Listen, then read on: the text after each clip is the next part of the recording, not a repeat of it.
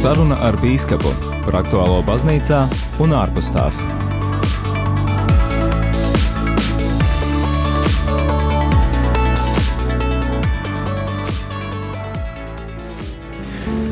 Dārgo radio Marija Latvija klausītāji, otrdienas 7. decembra vakarā šeit pie mikrofona es Māris Veliks un arī sirsnīgi sveicinu studijā Rīgas diecēzes palīgbīskapu Andri Kravali, lai ir slavēts Jēzus Kristus. Mūžīgi mūžos, labvakar visiem.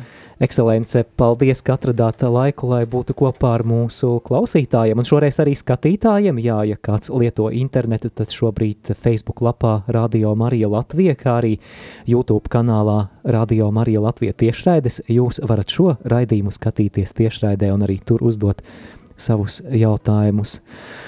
Kādas sajūtas ir gaidot Kristus dzimšanas svētkus un šo adventa laiku piedzīvojot?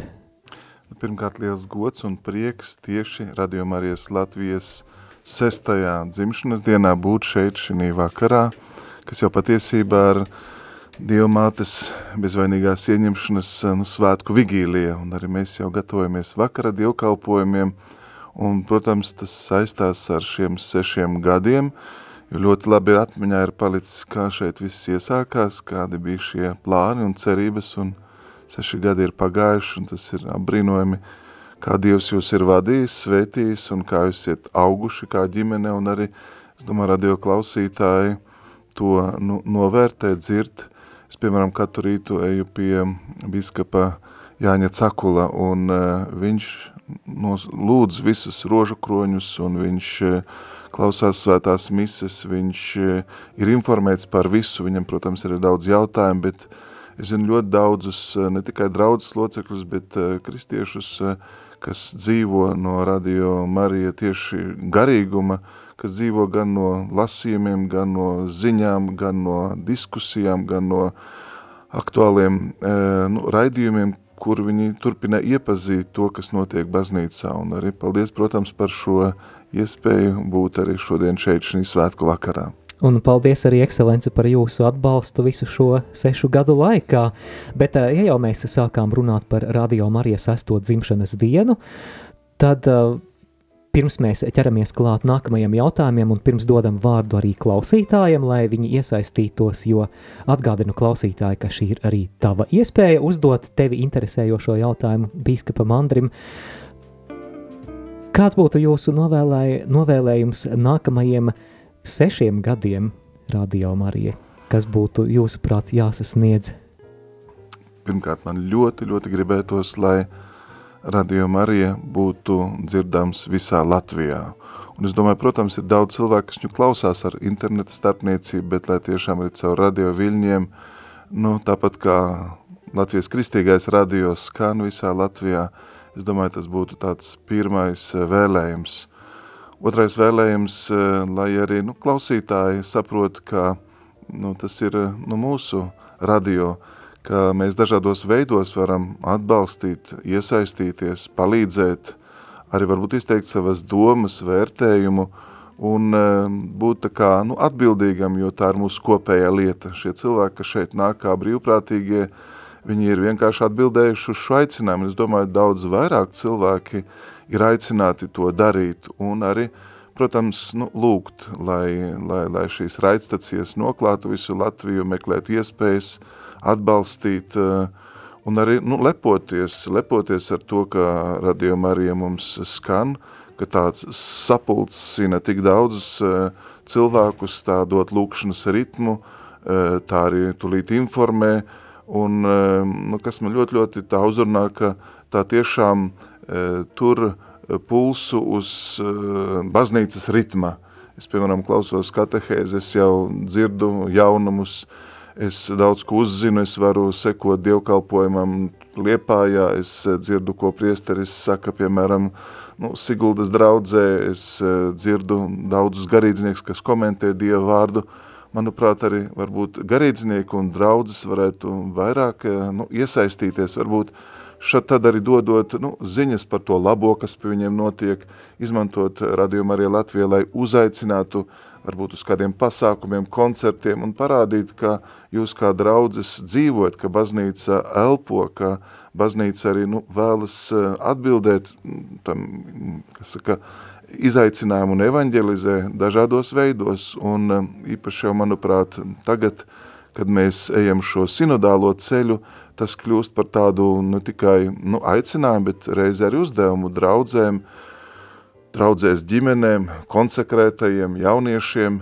mazliet vairāk nu, iedziļināties eh, un eh, uzņemties gan atbildību, gan būt līdzatbildīgam par to, kas notiek.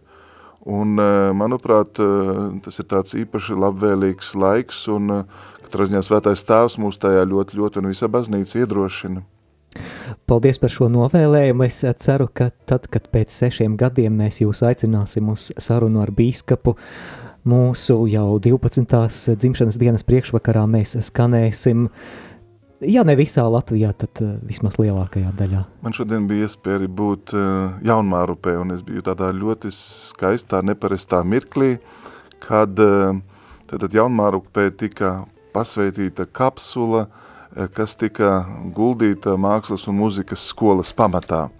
Un es arī tā, tā brīdī domāju, ka cilvēki vēlas nu, to darīt ar Dieva svētību, vēlas arī nu, noskaitīt tēvreizi, vēlas arī apliecināt to labo, ko viņi liek eh, tajos pamatos, un tajā kapsulā bija dažādas lietas, vēlējumi, gan Dieva vārds, gan arī, es ieliku arī Dievmāts eh, bezvainīgās jaunas Marijas medaļonu, uh, Un um, es tā pie sevis domāju, cilvēki jau vienmēr vēlas to labo un grib to labo, un uh, man ļoti nu, aizkustināja tā varbūt sirsnība, viesmīlība, prieks, kaut ko veidot jaunu. Un tāpat arī es domāju, ka Dievs caur savu vārdu, caur draudžu dzīvi, arī caur Radio Marija uh, rada un dara daudz jaunu, arī klausītāji klausoties, uh, Jūs taču neklausieties tikai šeit eh, brīvprātīgos vai darbiniekus, bet eh, caur radiomu arī atskan nu, Dieva balss, arī tas tā varbūt aicinājuma balss, un tāpēc svarīgi tajā ieklausīties, ticībā pieņemt un arī likt Dieva vārdu visu, visā pamatā, tas ir tiešām mūsu lielākais apsolījums, kas arī Dieva vārdu uzņemot piepildās un īstenojās.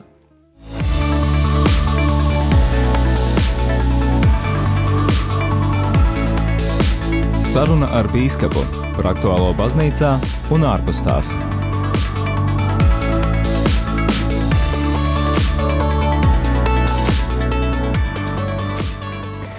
Klausītājiem un skatītājiem atgādināšu, ka šoreiz raidījumā saruna ar bīskapu mūsu īpašais viesis ir Rīgas diecēzes bīskaps Andris Kravalis, un atgādināšu arī, ka raidījums saruna ar bīskapu ir iespēja runāt par aktuālo baznīcā šodien, un arī tava iespēja klausītāji uzdot jautājumu bīskapam.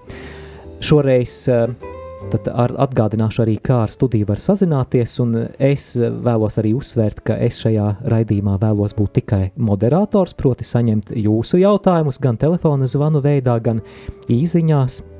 Tādēļ atkārtoju un atgādinu, ka studiju var sazvanīt uz numuru 67 969, 131. Savukārt numurs īsiņām ir 266, 77, 272.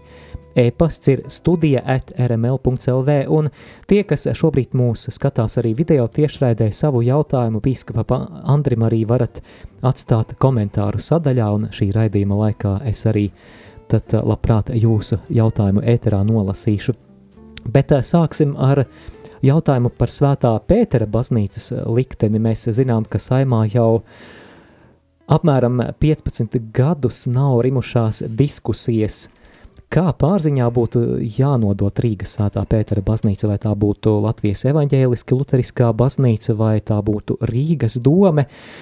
Un Pēdējā mēneša aktualitāte ir ne tikai likuma par Rīgas svētā Pētera baznīcu tālāka virzība saimā uz otro un trešo lasījumu, bet uh, sociālajos tīklos arī uzpeldējas ziņas par it kā katoļu pretenzijām uz Pētera baznīcu, un par to arī vēlējos jautāt arī Alberts Jodis, esot nosūtījis atklāto vēstuli saimas deputātiem, pastāvot uz katoļu baznīcas tiesībām uz Pētera baznīcu, apelējot gan pie Latvijas Republikas un Svētā krēsla līguma, arī ir piesaukts apustuliskais nuncijs Baltijas valstīs un Vatikāna valsts sekretariāts.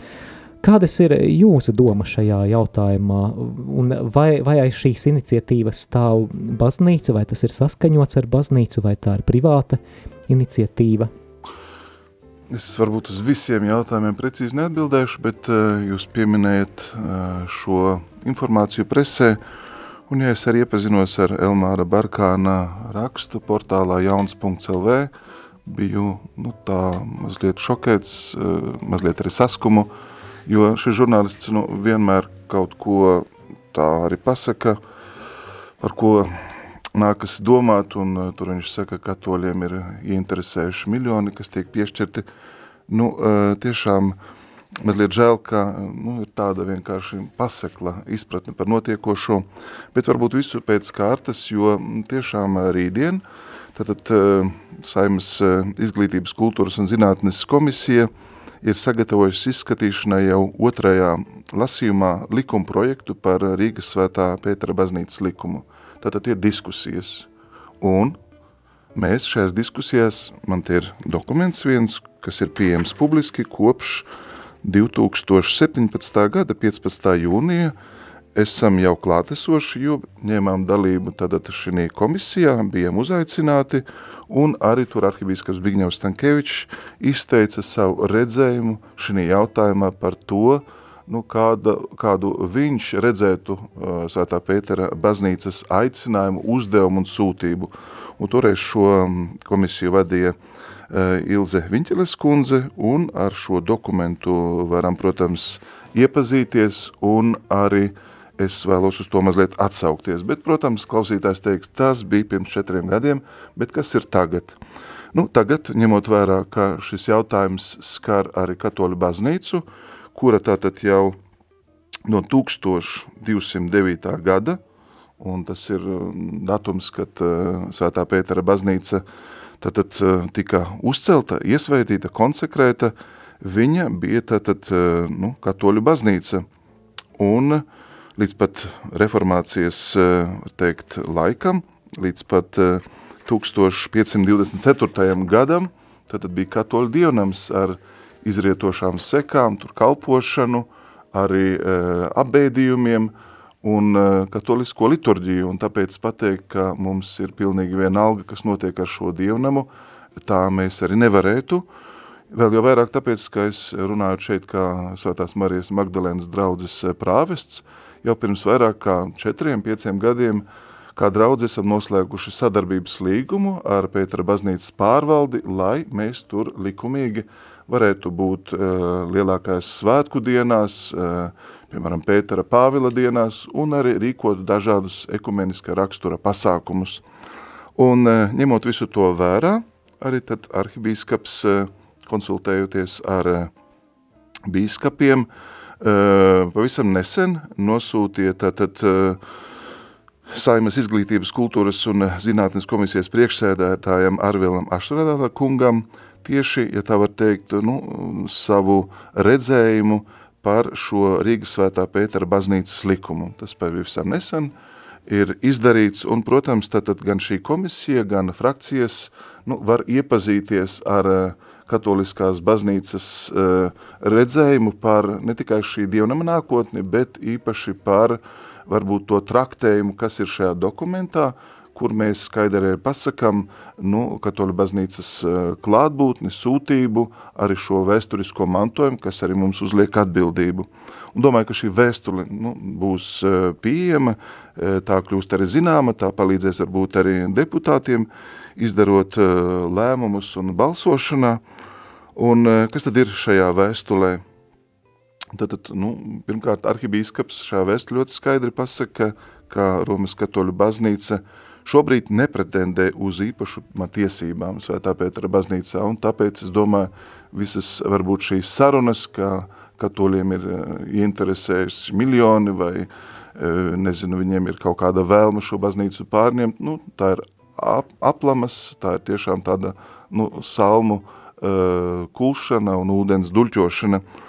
Un tad, tad šajā vēstulē, ja tā var teikt, nu, arhibīskaps varbūt analizējot šo likumu projektu, atsauc vēsturiskas patiesības un arī atvērts tālākai sadarbībai, ja uz to arī nākošais īpašnieks mūs lūgs. Un kādas varētu būt šīs sadarbības. Protams, turpināt nu, būt ciešā lūkšanas gara kopībā ar eh, Lelba baznīcu, tātad, kas kā draudze jau arī šī baznīcā ir kopš vairākiem desmitiem gadu, jāatzīst arī vēl, un mēs par to priecājamies, ka šī vieta ir garīgās mūzikas, kultūras un mākslas centrs, Atcerēsimies, pirms dažiem gadiem tieši tur bija TZ dienas, reģionālās tikšanās, arī mēs parasti katru jaunā gada pirmo dienu tur sapulcinām jauniešus uz lūkšanām. Tas var būt arī tāds garīgās izglītības formācijas centrs, tur var būt arī domu apmaiņa ļoti bieži, piemēram, dažādas arī organizācijas, mākslas kolektīvi tur muzicē, viņiem arī noslēgti līgumi ar Pētera baznīcas pārvaldi, un tāpēc, uh, piemēram, bieži nākas ņemt dalību, nepaliec viens uh, aktivitātēs, vai tie būtu lūkšanas uh, pasākumai, koncerti vai kādi citi tematiski vakari. Tātad nu, šis jautājums tiešām ir ļoti, ļoti komplekss, bet nu, neaizņemot heteru. Mm -hmm. Manuprāt, pirmkārt, mēs nu, neesam vienaldzīgi, otrkārt arī baznīca pārdomā, seko līdzi, pauž savu viedokli, viņi nevēlas nevienu apdraudēt, bet tāpat laikā arī apzinās šīs Pētera baznīcas garīgo mantojumu un zina, ka tas ir reformācijas arī šūpulis, respektē arī luteriskās baznīcas eh, redzējumu un eh, domāju, ka eh, nu, ļoti svarīgi būtu, kad mēs, ja tā var teikt, nu, integratīvi un uh, un vienojoši pieņemtu tādus lēmumus, kas nu, mūs vairāk vienotu, nevis šķeltu, kas patiešām darītu arī mūs kā nu, dieva tautu stipru un kristiešu uh, sadarbība un, uh, un kopīgie centieni, tas ir ļoti, ļoti skaists nu, izaicinājums. Jā, tātad rezumējot, lai, lai arī nerastos nekādi pārpratumi, tātad katoļu baznīca nepretendē uz īpašuma tiesībām, bet runa ir par interesi, nu, par, par tiesībām arī piedalīties ar dievkalpojumiem arī un, un pēc vajadzības tad izmantot šīs telpas, vai, vai es pareizi Jā, nu pirmkārt, sapratu? mēs esam nu, atvērti un šis līgums, kas ļauj, piemēram, mums kā draudzēji, un tad draudz arī pulcina nu, Rīgas katoļus vairāk kārt uz dažādiem Pētera baznīcas svētkiem, tas dot mums iespēju, un šo interesi mēs vienmēr tā kā esam pauduši, jo Pētera sūtība un loma mums kā katoļu baznīca ir īpaši dārga un svarīga. Tāpat, kā ejot uz domu baznīcu, es ir apzinos, ka tās pirmsākumos, nu, tas bija diamātē veltīts dievnams, ka tur ir svētais Meinerts, tieši tāpat arī ejot uz Pēteri, es sajūtu šo tuvību ar, mm. ar, ar, ar Pēteri, kā arī nu, Kristus izvēlē to vietnieku. Un tāpēc es domāju, ka tas palīdzētu arī eh, nu, luteriskai baznīcai, labāk atklāt, ieraudzīt Pētera sūtību, tas tādā sadarbībā spētu arī mm, dot tādai nu, visai dieva tautai nu, labākus vienotības augļus, eh, caur kuriem, es domāju, cilvēki tikai būtu ieguvēji.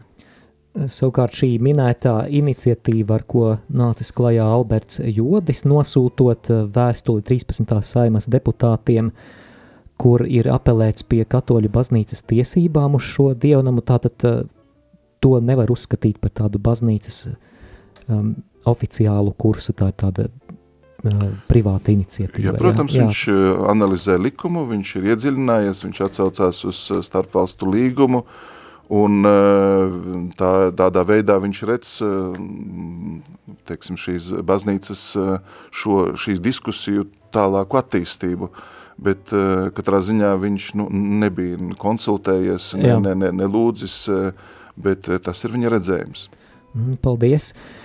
Dārgie klausītāji, atgādinu, ka raidījums saruna ar bīskapu, kurā šajā vakarā viesojas studijā Rīgas diecēzes palīgbīskaps Andris Kravalis, ir tava iespēja uzdot jautājumu vai komentēt arī par to, ko tu dzirdi, tādēļ atgādināšu kontaktu informāciju.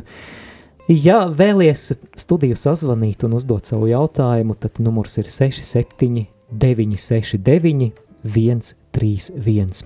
Savukārt īziņas un WhatsApp ziņas sūtiet uz numuru 266 77 272.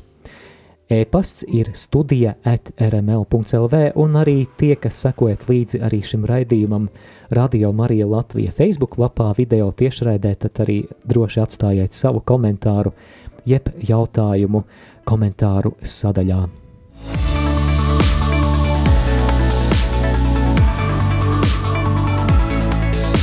Saruna ar bīskapu par aktuālo baznīcā un ārpus tās.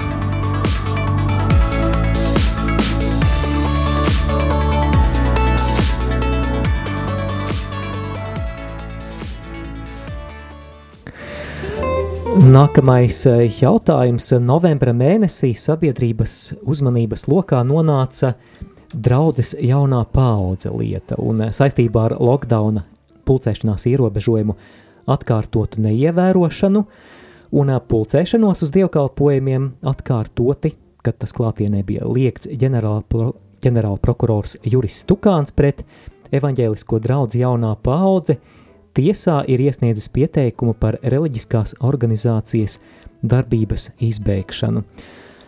Ekscelence, kā, kā mums kā katoļiem būtu jātiecas pret minēto situāciju, vai mums būtu jāsol, jāsolidarizējas un jāpauž atbalsts minētās draudzes pastāvēšanai, pat tad, ja mēs nepiekrītam tās rīcībai, pārkāpjot lockdownu, vai, vai arī mēs stāvam maliņā? Es domāju, mēs nekad nestāvam malā. Mums ir ne tikai viedoklis, bet man bija iespēja iepazīties ar to, ko tad eh, nu, policijas ekipāžas, kas apmeklē šo draudzi, sastādīja aktus, ir izdarījušas. Es satikos arī tiem cilvēkiem, kas tajā brīdī bija lūkšanu telpā.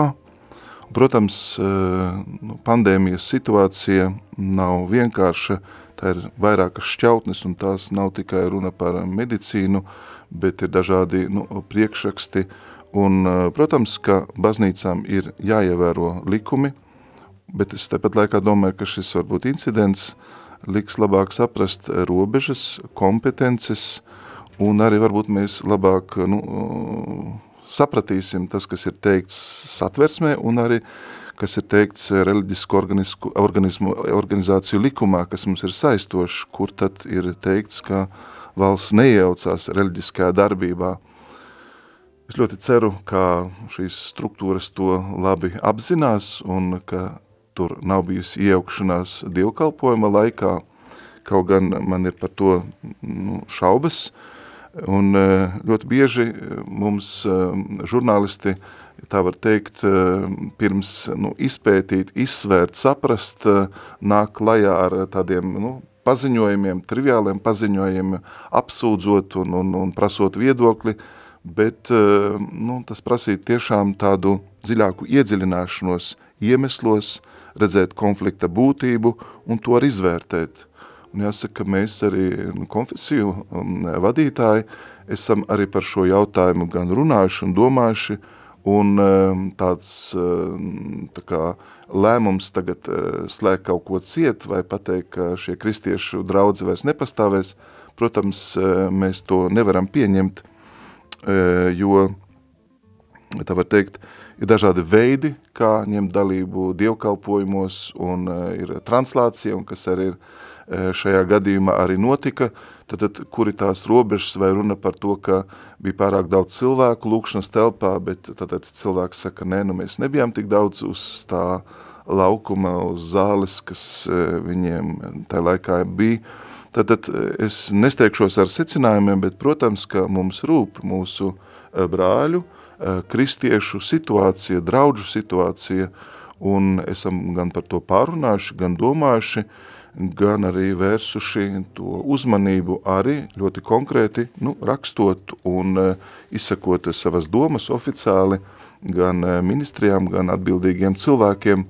Un mēs pat esam, ja tā var teikt, par šo jautājumu domājuši starpkonfesionāli, ne tikai mūsu konfesija, Jā. centušies arī saprast, nu, kāpēc tad konfrontācija un kas tad ir bijis par iemeslu, jo, kā tu pareizi jautā, nu, varbūt arī tas mums var apdraudēt, un mēs neesam katrā ziņā vienaldzīgi, bet mums rūp šī situācija un arī tas, kā šī situācija tiks atrisināta, jo viņa vēl nav atrisināta. Tad draudz ir tā kā savā veidā nu, apturēta darbība, bet uh, tieši saistes turpinās, dievkalpām arī turpinās, un arī īsti nu, nav noformulēta apsūdzība.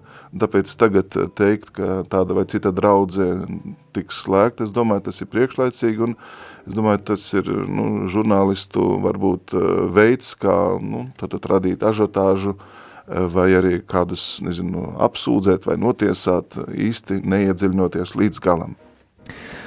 Paldies atgādinu klausītājiem par jūsu iespēju iesaistīties. Numurs īziņā un WhatsApp ziņām ir 266 77 272. Savukārt, kamēr mēs gaidām klausītāju iesaisti, raidījumā parunāsim arī par baznīcas aktualitātēm globālākā, ja pasaules mērogā, jo pavisam, pavisam nesen ir noslēgusies pāvesta Franciska vizīte Grieķijā un Kiprā, un abās zemēs pāvests tikās gan ar pareisticīgo baznīcas pārstāvjiem, gan migrantiem.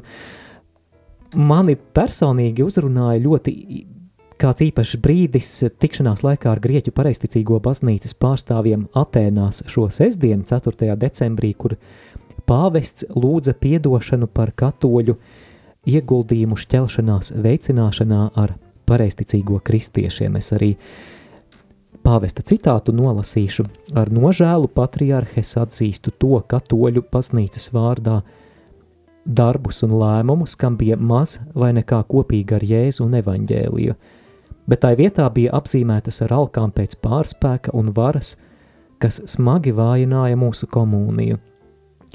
Šodien es jūtu vajadzību no jauna lūgt Dieva un mūsu brāļu un māsu piedošanu par kļūdām, ko pastrādājuši daudzi katoļi. Varbūt kādas ir jūsu pārdomas par eh, šiem pāvesta centieniem būvēt tiltu starp konfesijām un arī starp rietumu baznīcu un austrumu baznīcu? Cik jums pašam tas ir svarīgi?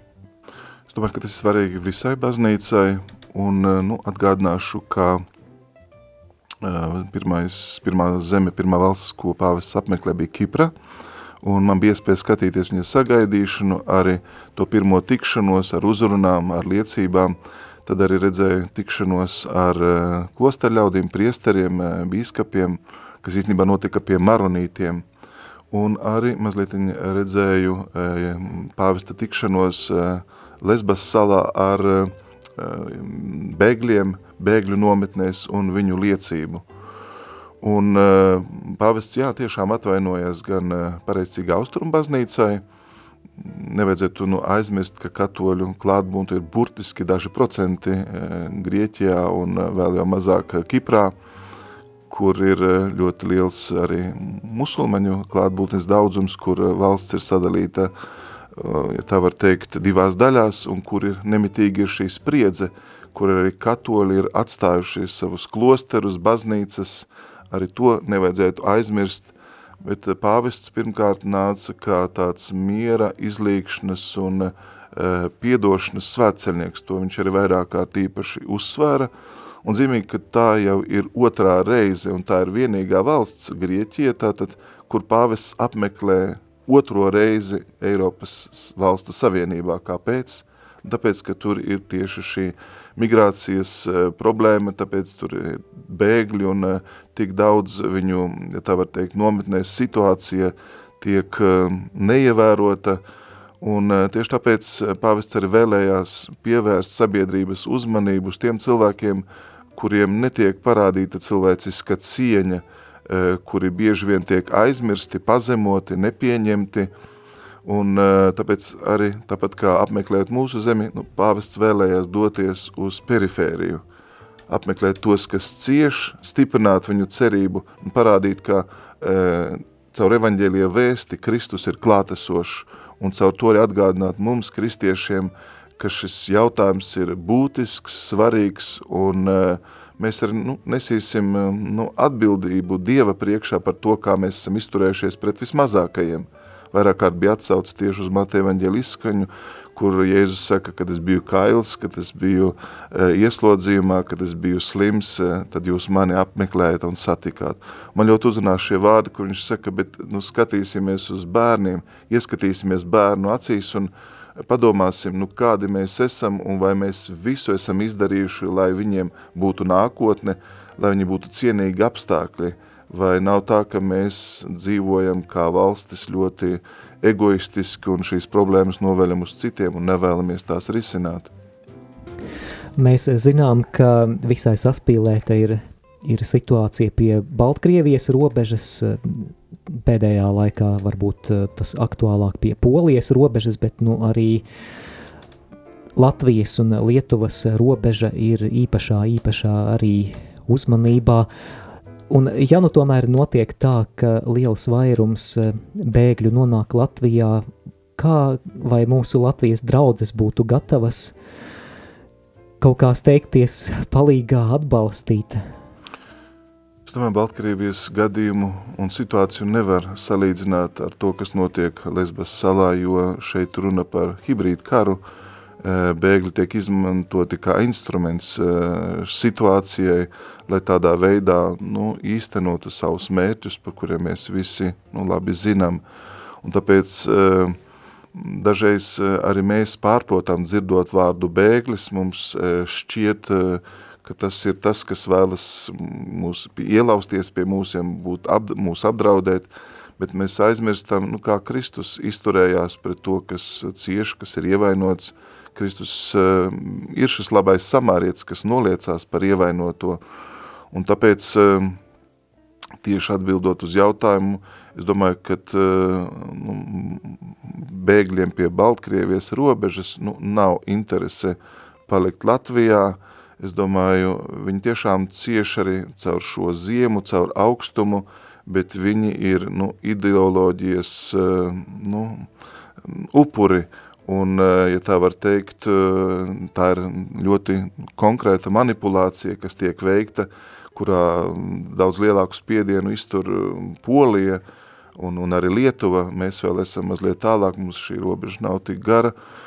Bet tāpēc, manuprāt, lai šī situācija neliek mums domāt, ka nu, visi bēgļi, visi labas dzīves meklētāji ir ar tādiem pašiem nolūkiem. Nē, Āfrikā, piemēram, ļoti daudz cilvēku ir spiesti atstāt uh, savu zemi, tāpēc, ka viņiem nav ūdens, vai tāpēc, ka tur vairs nekas neaug, vai tāpēc, ka viņi tiek vajāti ticības un pārliecības dēļ, tad uh, viņiem palikt tur ir bīstami viņu dzīvībai, viņu ģimenēm, tad, tad um, bēgļi dažādu apstākļu dēļ, vajāšanu dēļ, dabas katastrofu dēļ, uh, vienkārši nu, iet uz citu vietu, un, manuprāt, uz šīs zemes ir pietiekoši daudz vietas priekš visiem, un uh, mums nevajadzētu raudzīties uz to egoistiski, vienkārši redzot, nu, kāda uh, demografiskā situācija ir uh, mums, uh, kā tiešām nu, dabas bagātības zeme ir neapdzīvota, un, uh, un mazliet vajadzētu domāt uh, nu, plašāk, Man bija iespēja, piemēram, redzēt Francijā vairāk kārt, kā dzīvo cilvēki no Marokas, no Alžīrijas, bēgļi, kas jau ir otrā, trešā paudzē, kas jau ir integrējušies, kādi ir viņu bērni, kā viņi mācās, kāds ir viņu pienesums sabiedrībā. Tas nav vienkārši un viegli izsverams jautājums, bet uh, pāvests ar šo vizīti mums atgādinā, ka mēs kā uh, cilvēki visi esam aicināti būt brāļi, cienīt, un cilvēka cieņa un arī rūpes par nu, cilvēka tiesībām un tiem apstākļiem, kas ļauj viņam dzīvot un īstenot savu aicinājumu, tas ir ļoti, ļoti būtiski. Atgādinu klausītājiem, ka jums ir iespēja uzdot savu jautājumu bīskapam Andrim Kravalim, zvanot uz numuru 67 969 131. Atkārtoju vēlreiz 67 969, 131. Droši rakstiet arī īsiņas un WhatsApp ziņas uz numuru 266, 77, 272. E-pasts ir studija at rml.lv un arī mūsu Facebook lapā Radio Marija Latvija zem video tiešraides arī droši atstājiet savu jautājumu.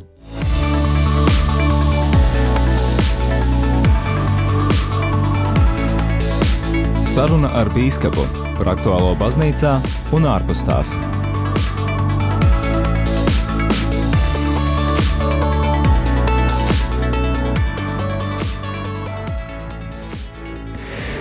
Facebookā mums raksta klausītāja Silvija. Paldies, bīskapa Andri Kravali! Jūs esat eņģelis, kas sargā un rūpējas par katoļiem un ticīgajiem Rīgā un Latvijā. Paldies kamerkora versija vārdā.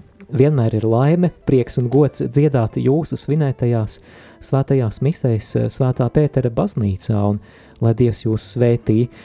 Un jautājums arī saistīts ar to, ko mēs jau pārunājām saistībā ar Svētā Pētera baznīcu, vai kā jums izskatās, vai vēl būs iespēja dziedāt Pētera baznīcā turpmāk Es domāju, pandēmija pirmkārt nebūs mūžīga. Paldies, Silvija! Paldies arī par nu, tām dziesmām, ko jūs dziedat un apkopojat trīs vecerīgas draudzes, katedrāli, ja, sāpju diamāts baznīca un Magdalēna un ir brīnišķīgs versijas disks, kur ir ļoti daudz arī nu, dziesmas, kas skan radio Marijas, arī daudz dzirdējis, ļoti pazīstamas uh, Celminska mm, melodas, melodijas un apdares. Uh, Es e, domāju, ka e, Pētera baznīca kā tāds Rīgas simbols nu, kalpos vienotības, e, evanģelizācijas un ekumenisma nu, attīstības centieniem. Un domāju, ka katram dienam ir kāda neatkārtojama sūtība, un mēs kā katoliskā baznīca, protams, to nevaram aizmirst, tas mums nav vienaldzīgi, bet, protams, nu, ļoti svarīgi ir likumdevēji deputāti, kas šo jautājumu tad arī izskatīs, kas ņems vērā gan vēsturisko patiesību, gan arī e, tās perspektīvas, kas šim dievnamam tagad paverās, jo zinām arī, ka e, Vācija vēlas atbalstīt, palīdzēt, un neizmirsīsim, kā arī nu, kara laikā arī Vācija, nu, atkāpjoties arī uh, satricinās šo dievnamu, un eh, tāpēc arī, manuprāt, tā palīdzība ir vietā un laikā, un visi šie centieni ir apsveicami, lai dievnams atgūtu savu tādu nu, Rīgas eh, dominantes sūtību, un, protams, nebūtu tikai skatu tornis, bet kā dievnams arī ļautu nu, kristīgai eh, lūkšanai, dieva vārdam, nu, pestīšanas vēstī aizskanēt tās vēlvēs, Un, e, ja mēs kā draudze iesākām šo sadarbību tikai tāpēc, ka mūs arī lūdza, tad, tad šo garīgo, e, kristīgo pienesumu caur mūziku, caur liturģiju, caur Dievu vārdu, e, līdzdarboties šajā sūtībā, kuru jau evaņģeris kulturiskā baznīca veica kā draudze. Jānis Facebookā vēlas zināt, labvakar, kādas ir jūsu domas par gavēni pirms Ziemassvētkiem? Ja tāds ir nepieciešams, kā tas varētu izpausties? Kā mums ir ar to gavēni šajā laikā? Tas ir ļoti, ļoti labs jautājums un ļoti vietā, jo runa ir par adventa laiku kā atturības laiku, un es varu mazliet paskaidrot, mums ir liecības, ka jau 4. gadsimtā 40 dienas, tātad pirms Ziemassvētkiem, cilvēki gatavojās kristībām. Un tieši tāpēc kristības, kā tāds nu, atgriešanās un sagatavošanās laiks, bija arī gavēņa laiks. Un, eh, manuprāt, eh, es domāju, ka šeit klausītāji piekatīs, eh, gavēšana nav runa tikai par atteikšanos no, no ēdiena, bet gavēšana, es domāju, ka pāvis mums to atgādina, varbūt būt mazāk virtuālajā pasaulē, varbūt uh, apklusināt to mūziku un trokšņus, varbūt novērsties no tādām izklaidēm, kas mums traucē. Un, uh, manuprāt, mēs varbūt pilnā mērā nesaprotam gavēni, jo runa nav tikai par atteikšanos, bet runa ir par tādu nu, kristīgu dzīves prieku. Es, piemēram, draudzēju svētdienas sacīju, nu, varbūt gavēnis būtu vairāk smaidīt savam tuvākajam, uh, um, nu, samīļot savu tuvāko, viņu apmeklēt, iepriecināt, jo Dievam nu, nav patīkams eh, noskumis eh, kristietis, bet uh, cilvēks, kas ar satriektu sirdi sauc pēc Dieva žālsirdības, kas savu miesu pakārto gara likumiem, un tāpēc um, nu, atturība Jāņa kristītāja stāja, kurš, protams, esot tuksnesī, nu, nevarēja uh, ēst tos ēdienus, kādi, kādu sēda esot nu, svētajā zemē, es domāju, ka tas var būt labs sagatavošanās veids, kur tātad mēs caur šīm dažādām izvēlēm nu, sagatavojam vairāk savu sirdi. Un Jānis Kristītājs, ja viņš nu, atsaucās uz, uz praviešu izsēja grāmatu un runā par šiem kalniem, kas jānolīdz un ielēm, kas jāizpilda, tad uh, baznīcas tēvi un svētie saka, tas īstenībā nozīmē nu, nebūt augstprātīgam un lepnam, tad, tad ieņemt pazemības stāju, bet no otras puses nekrist sevi žēlošanā un bezcerībā, neiet baiļu atmosfērā, kas šodien tik ļoti ir klātesoša, bet, ja tā var teikt, iztaisnot to ceļu, iet pie kunga pa taisnāko ceļu un meklēt tos veidus, kas mūs garīgi stiprina, Un es domāju, ka gavēnis kā tāda nu, barības nepieņemšanas veids ir ļoti efektīvs, lai mēs ilgotos un slāptu pēc Dieva vārda, lai mēs gribētu vairāk no tā dzīvot. Varbūt tā ir kāda kristīga grāmata, varbūt tas ir kāds nu, labs kalpošanas darbs vai cita veida palīdzība, ko mēs varam šajā laikā darīt. Paldies, Bīska Pandri, paldies arī Jānim par šo jautājumu.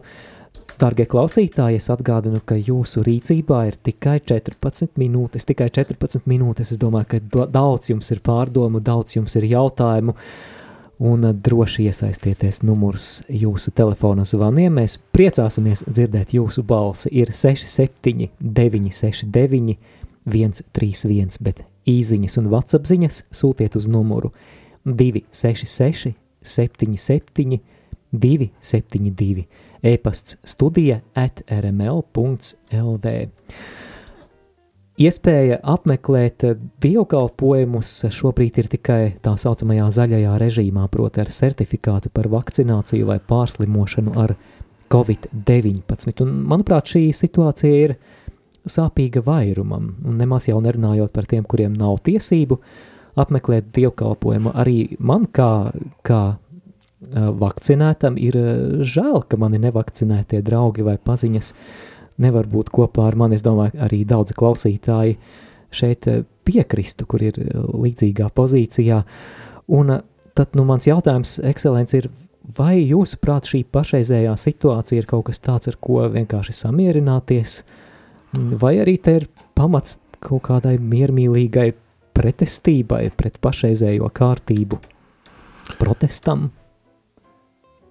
Tas ir ļoti tāds komplekss jautājums, un lai varbūt tā dziļi un izsmeļoši atbildētu, tad, tad nu, bīskapu konference ir nosūtījusi tātad oficiālu aicinājumu, savu veida lūgumu, un es domāju, ka vairāk kā lūgums arī tāda prasība un izskaidrojums patreizējai situācijai, kas mums kā baznīcai nav pieņemama šeit man tā ir uz rokas, šeit es Jā. nožēl nespēšu viņu nolasīt, bet būtiskāko.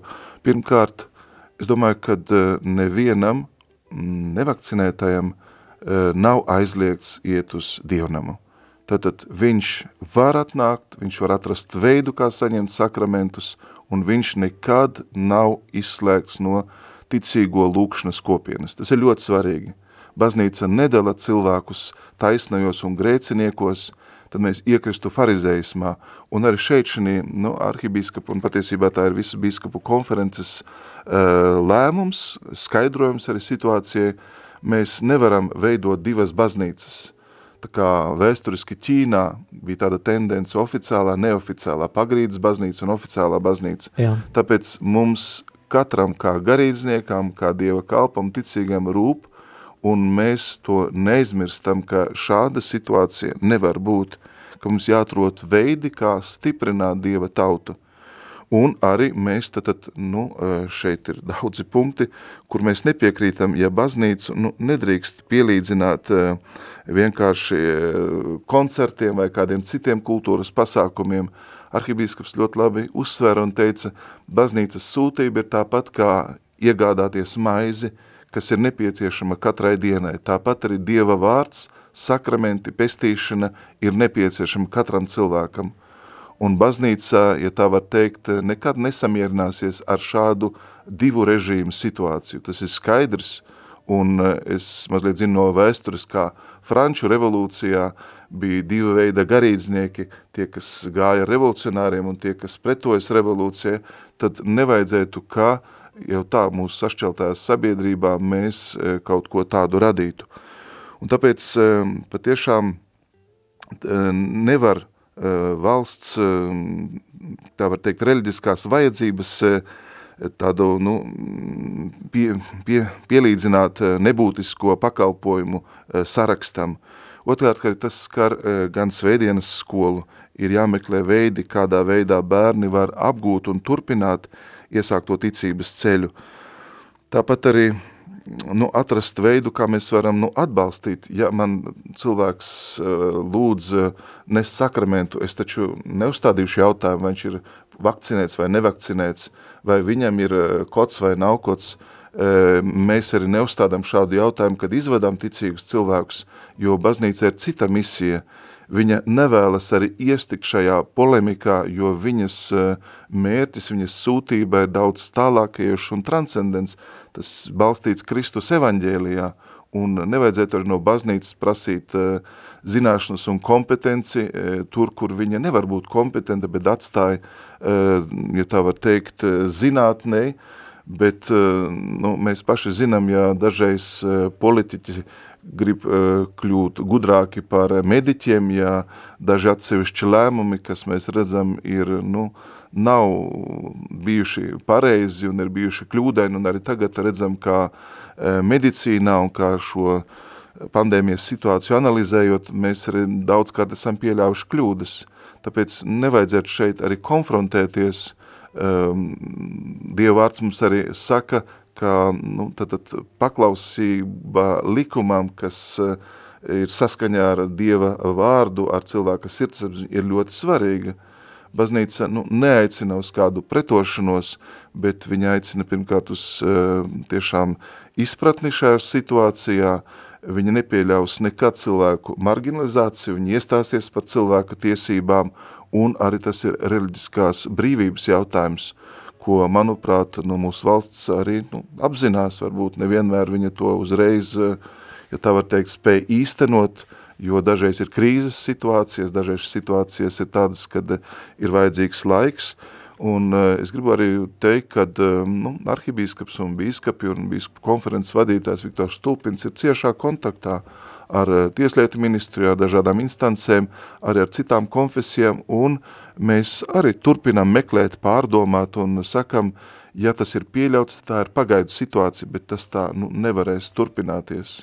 Un es zinu draudzes, kur atrod veidu, kādā veidā arī tiem cilvēkiem iedot sakramentus, ļaut viņiem piedalīties dievkalpojumos un nevienu neizstumt un neslēgt no dieva tautas, no draudzes, no baznīcas kas ir, ja tā var teikt, nu, pēdējais un tas visdārgākais, tā ir tā augstākā instance, e, īpaši tiem, kas ir nu, apveltīti ar, ar ticības e, dāvanu. Jā, bīskap Antri, jūs atsaucāties uz šo vēstuli vai uz šo paziņojumu, vai tā ir kāda atklātā vēstule vai, vai tieslietu ministrijai? Tas ir aicinājums Latvijas aicinā... Republikas mm ministru kabinetam par mm -hmm. līdzinējo tātad, situāciju, uh, un eh, es domāju, ka viņa būs arī publiski pieejama. Es zinu, ka šādu uh, vēstuli ir nosūtījuši uh, arhibīskaps Jānis Vanaks, kur pauš Luterāņu baznīcas viedokli, tāpat arī es domāju, un es jau redzējis uh, Baptistu baznīcas redzējumu šajos jautājumos, es arī zinu, ka ir pareizcīgās baznīcas viedoklis, tātad baznīcas neklusē, viņas ir darījušas zināmu, viņas ir dialogā, un es domāju, ka tas arī nu, vistuvākajā laikā tiks atrasināts. Paldies jums! Arī klausītāja Jūlija Facebookā raksta Malači jūs esat, paldies! Un uh, Anna raksta paldies biskupam Andrim par izsmeļošām atbildēm uz jautājumiem un situācijas vērtējumu. Mums ir tikai piecas minūtes atlikušas, tā kā šobrīd nav jautājumu, tad dodamies mūzikas pauzē, un tā ir arī pēdējā iespēja jums pēdējā brīdī iesaistīties ēterā un savu jautājumu uzdot vai arī komentēt. Numurs studijā ir 679 131 931. Numurs īsiņām un WhatsApp ziņām 266 77 272.